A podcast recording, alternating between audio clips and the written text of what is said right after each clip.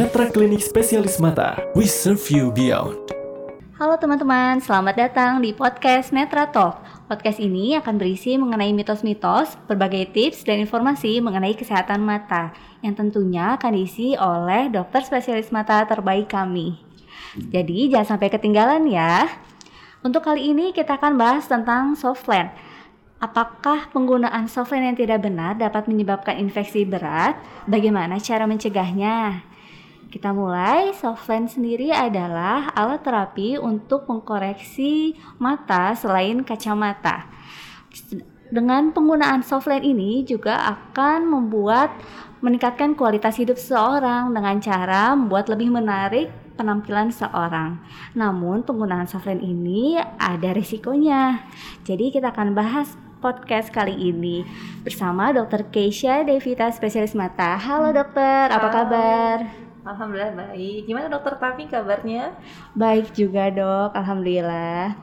Gimana dok untuk aktivitas sehari-hari sekarang lagi pandemi? Apakah work from home dok atau tetap saja bukan? Oke, okay. kalau untuk di Netra, saya memang praktek di, untuk di Netra klinik kita tetap uh, work from the, the office, jadi tidak work from home, tapi memang kita menggunakan APD lengkap sehingga kita memastikan semua tetap berjalan dengan aman dan insya Allah semua terkendali dengan baik. Kendali ya dok ya. Sudah vaksin juga belum dok? Alhamdulillah sudah. Sudah ya dok ya. Jadi kita lebih kuat ya dok ya. Iya. Nah kita sekarang akan bahas tentang soft lens dok okay. atau lensa kontak. Sebenarnya lensa kontak itu apa sih dok dan ada berapa macam lensa kontak? Oke. Okay. Hari ini kita bahas tentang lensa kontak. Lensa kontak atau kontak lens itu sebetulnya adalah salah satu device atau pilihan yang digunakan untuk mengkoreksi kelainan atau gangguan refraksi. Bisa juga sebagai rehabilitasi penglihatan.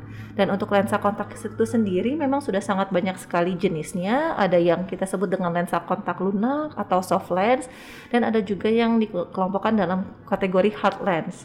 Untuk soft lens itu biasanya memang dia strukturnya lebih lembut dan lentur, kemudian uh, bisa lebih mudah didapat, kemudian juga biasanya memang uh, lebih rutin untuk harus dibersihkan. Sedangkan untuk yang hard lens biasanya dia strukturnya lebih rigid dan lebih keras, kemudian ada pori-pori untuk memungkinkan oksigenasi, oksigenasi pertukaran oksigen dan juga biasanya memang itu wajib sekali di fitting terlebih dahulu. Wajib jadi memang ya, harus dikonsulkan ke dokter spesialis mata ada juga banyak uh, pilihan lain. Contohnya ortho K atau ortokeratologi itu yang jenis pada biasanya dipakai pada pada malam hari untuk anak-anak yang dia fungsinya sebagai corneal reshaping dan ada juga yang scleral lens. Jadi sebetulnya uh, sudah banyak sekali perkembangan jenis dari lensa kontak itu sendiri tetapi memang yang kali ini yang akan kita bahas adalah soft lens ya karena memang soft lens itu yang sering ada di beredar uh, bebas Betul, di pasaran. Jadi memang itu yang harus kita uh, lebih perhatikan. Perhatikan lagi.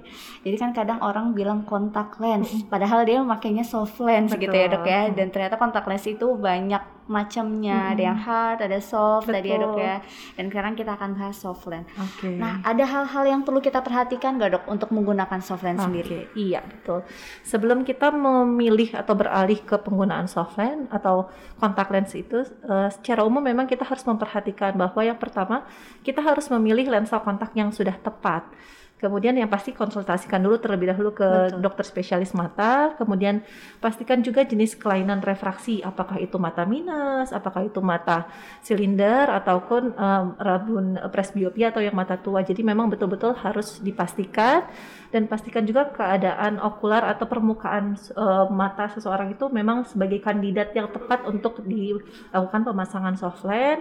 Kemudian tujuan penggunaan itu sendiri harus betul-betul kita perhatikan karena harus betul uh, untuk misalnya untuk memang rehabilitasi penglihatan atau kalau misalnya untuk kosmetik itu memang harus lebih dengan uh, warning yang lebih baik.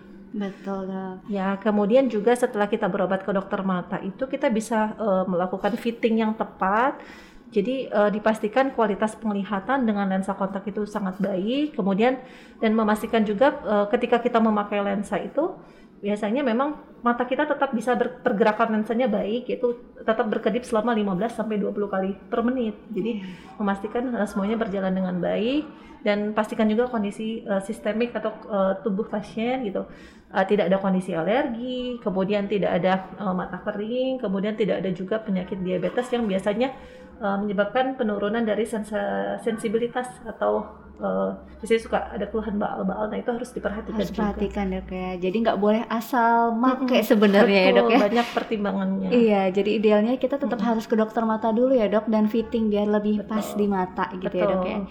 Nah dok, Jadi selanjut- ibarat baju ya tidak bisa semuanya disamakan. Iya, Jadi- betul. Jadi uh, tidak fit untuk semuanya. se- se- Setiap orang itu pasti berbeda-beda gitu.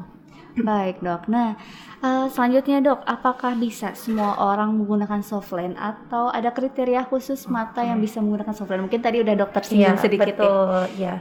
Eh, hal ini penting sekali, betul sekali setuju Dokter Tami. Jadi ketika siapa saja sih sebetulnya yang bisa menggunakan eh, soft lens pada hal ini.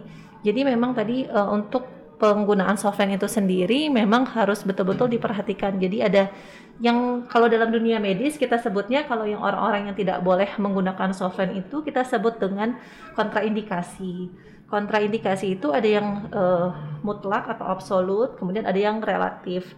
Untuk yang kondisi yang kontraindikasi yang tidak boleh betul-betul itu biasanya yang pertama pada kondisi mata yang memang sedang dalam infeksi Hmm, aktif. iya iya. Kemudian ada peradangan aktif juga, jadi matanya merah, matanya nyeri, kemudian ada keluhan eh, berai, eh, apa eh, seperti ada buram gitu. Itu kita harus periksa terlebih dahulu apakah ada kelainan eh, penyakit penyerta di matanya. Kemudian eh, kontraindikasi atau yang masih abs- relatif, jadi sebetulnya masih bisa tapi dengan beberapa pertimbangan. Misalnya yang pertama pada kondisi mata kering. Ya, itu pada penggunaan kondisi mata kering kita harus lebih selektif eh, menentukan jenis lensa kontaknya. Kemudian yang kedua juga misalnya tadi ada gangguan sistemik, misalnya pasien yang berkurang sensibilitasnya, Sensibilitasnya. jadi itu harus betul-betul kita pastikan. Takutnya nanti kalau ada sesuatu di korneanya kan Nggak kerasa nggak ya dok. kerasa, nggak bisa ngerasain ada apa-apa nih di mata saya gitu. Baik dok, banyak ya dok ya Banyak ternyata ya. ya. Nggak semua orang tuh boleh pakai ya dok ya. Dan selanjutnya dok, ada resiko nggak sih dok eh, dari penggunaan lensa kon- soft lens ini ya, dan penyebab infeksinya biasanya apa aja sih dok? Oke, untuk resiko dari penggunaan soft lens itu sebetulnya relatif aman kalau kita bisa menjaga higienitas atau kebersihan dengan baik, kemudian handling soft lens-nya juga dengan baik. Jadi relatif aman sebetulnya, tetapi memang resiko resiko itu bisa saja muncul gitu. Salah satunya mungkin bisa terjadi keluhan mata merah yang berakibat pada eh, akibat dari infeksi pada mata. Mata merah sendiri juga bisa kondisi infeksi ataupun non infeksi. Pada kondisi yang non infeksi misalnya ada peradangan saja, tetapi memang pasien tetap mengeluh eh, perasaan tidak nyaman, kemudian bisa juga mata kering, kemudian eh, pada resiko-resiko penggunaan softline itu sendiri bisa saja softline-nya ternyata eh, fittingnya tidak baik, kemudian softline-nya agak sedikit eh, bisa juga mengalami robek atau apa itu harus betul-betul diperhatikan. Kalau dia perhatikan ya dok ya. Nah tadi penyebab infeksinya dok? Oke. Nah, untuk infeksi pada soft lens itu sebetulnya banyak sih bisa hampir semua jenis, tapi yang paling sering itu yang kita sebut dengan infeksi akantamuba. Hmm, iya, iya. Itu salah satu jenis parasit yang memang dia eh, sering sekali menginfeksi pada pasien-pasien dengan penggunaan eh, soft lens. Eh, penye- yang lain juga banyak sih beberapa bakteri, ada jenis Pseudomonas. Itu dia dia biasa menyerang dari kornea. Jadi awalnya dia muncul mungkin eh, ada sedikit eh, luka lecet di korneanya atau abrasi kita sebutnya. Kemudian lama kelamaan dia menjadi eh, infeksi yang lebih dalam, jadi keratitis. Kemudian pada akhirnya bisa sampai terjadi ulkus. Ulkus kornea itu eh, semacam lebih eh, koreng atau yang lebih dalam lagi yang bisa mengakibatkan gangguan penglihatan yang permanen. Nah itu memang pada kondisi-kondisi itu ya harus segera dikonsultasikan, jangan dianggap eh, hal yang Remeh gitu Iya, ya, Dok, ya. betul. Ya jadi ternyata pakai lens itu juga kita harus banyak yang diperhatikan ya dok. Betul. Jangan sampai pertama tadi higienitas, jangan sampai juga sampai ke bawah tidur ya dok. Betul. Banyak Itu kan pasien yang ke bawah Ah, tidur. betul karena memang ketika softline itu terbawa tidur dia eh, dari penelitian disebutkan meningkatkan resiko lima kali lebih tinggi untuk terjadinya infeksi. Hmm, iya iya dok. Iya. Baik dok. Selanjutnya nih dok, apa saja sih dok gejala yang muncul di pasien yang terkena infeksi akibat penggunaan soft lens? Oke, gejala yang muncul ya pasti kalau tanda infeksi biasanya disertai dengan mata merah, kemudian perasaan sensasi yang tidak nyaman, kemudian ada penglihatan terasa buram, kemudian juga biasanya eh, berair-air kondisi matanya, kemudian selain itu juga bisa muncul eh, ya pasti penglihatannya jadi lebih eh, rasa tidak eh, nyaman dan Nyaman, kualitas penglihatannya jadi lebih menurun seperti itu. Baik dok, Eh, tadi kalau komplikasi dari infeksi softline itu Mm-mm. apa aja sih dok? Iya, seperti yang tadi Iya, yang tadi dokter sudah ya. singgung juga sih Ah, iya, sebenarnya. eh, eh, ketika misalkan software-nya nempelnya ke kornea, eh, eh, ketika korneanya ter- eh, terkena bisa muncul abrasi atau luka lecet, kemudian berakhir dengan infeksi yang lebih dalam, keratitis, kemudian berakhir dengan ukus atau eh, perforasi, jadi luka yang lebih dalam lagi di korneanya. Sebetulnya hal-hal tersebut yang memang betul-betul harus menjadi perhatian pada para pengguna software karena memang eh, hal tersebut harus segera dikonsultasikan ke dokter mata. Betul dok. Jadi eh, paling parahnya bisa sampai menyebabkan kebutaan ya dok ya? Betul, itu banyak sekali yang pada akhirnya berakibat dengan kebutaan karena memang eh, dianggap mata merah biasa biasanya pada pengguna softline seperti itu. Baik, Mungkin dok. mengeluh hanya alergi atau biasa, Iya, tapi ya, dok, ternyata penglihatannya sudah terganggu. Ya, tiba-tiba ada ulkus aja gitu ya dok ya. Oh, Iya, kalau misalnya cara mencegah agar tidak infeksi apa nih dok? Oke. Hand hygienitas Iya, tadi ya dok. ya? selain menjaga menja- menjaga supaya tetap baik. Tadi handling dari kontak lens itu sendiri. Ya pastikan sebelum kita memakai software kita harus betul-betul mencuci tangan terlebih dahulu. Higienitas betul-betul harus dijaga. Kemudian pastikan software itu eh, tidak lebih digunakan sehari lebih dari 8 jam Gak Karena- boleh lama-lama ya dok Ya ternyata ya? betul, karena memang eh, kan kita harus menjamin tetap permukaan bola mata bisa ada oksigenitas walaupun memang sudah saat ini sudah banyak sekali desain softline yang dibuat untuk desain mata misalnya dengan mata kering dia kadar airnya tidak terlalu tinggi supaya tidak banyak mem- me- apa, menyerap permukaan air di bola mata. Jadi biasanya sih pada kondisi itu yang pertama yang pastikan higienitas dari pasien tersebut dan pastikan sering memang membersihkan melepas dan membersihkan softline dengan baik. Kemudian pastikan juga softline-nya itu eh, menggunakan larutan pembersihnya yang sesu- memang yang sudah direkomendasikan. Hmm.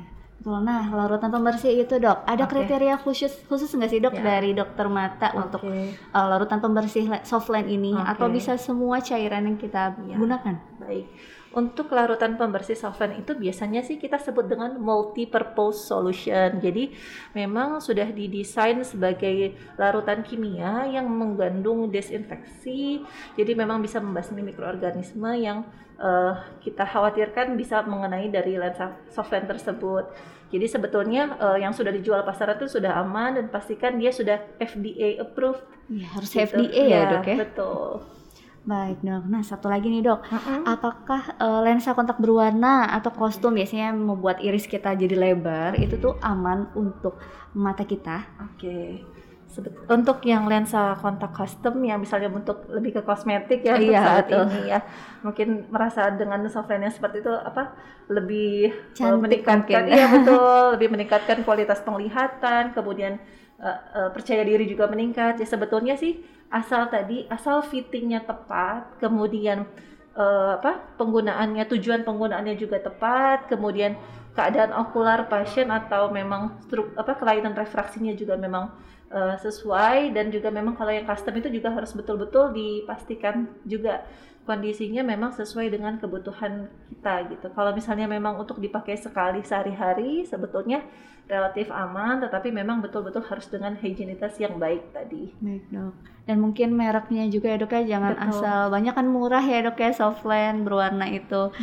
Gitu dok. Baik nih, eh, ternyata banyak banget informasi yang udah dokter bagi Luas ya dok ya. Luas banget ternyata softline satu Betul. ini ya dok ya. Mungkin ada closing statement dok dari dokter untuk hari ini. Iya sebetulnya untuk penggunaan softline itu memang relatif aman. Memang tapi yang perlu kita perhatikan adalah eh, bagaimana cara kita menjaga penggunaan dari software itu sendiri.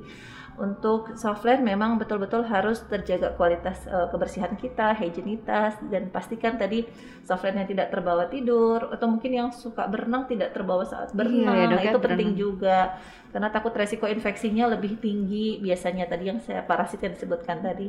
Tetapi semuanya kembali lagi untuk menggunakan solvent itu semua harus kita harus memilih dengan tepat Eh, dan pasti konsultasikan dulu ke dokter spesialis mata yang eh, tepat untuk memastikan memang kita sebagai kandidat yang cocok untuk menggunakan solvent tersebut. Baik dok, terima kasih. Nah itu tadi materi dari dokter Keisha mengenai softland yang sudah banyak banget. Mudah-mudahan bermanfaat untuk kita semua ya. Terima kasih dokter Ya, Keisha. Sama-sama dokter Tani. Mudah-mudahan kita bisa kembali bertemu di episode Oke, selanjutnya ya dok ya. Senang banget ya. Mudah-mudahan kita bisa saling diskusi lagi, sharing Betul. lagi ya. Iya baik dok. Oke. Nah untuk mendapatkan informasi selanjutnya bisa juga follow Instagram kami di @netraklinik. Jangan lupa share dan like podcast ini ke teman-teman kalian. Terima kasih. Sampai jumpa episode selanjutnya. Netra, we serve you beyond. Netra Klinik Spesialis Mata. We serve you beyond.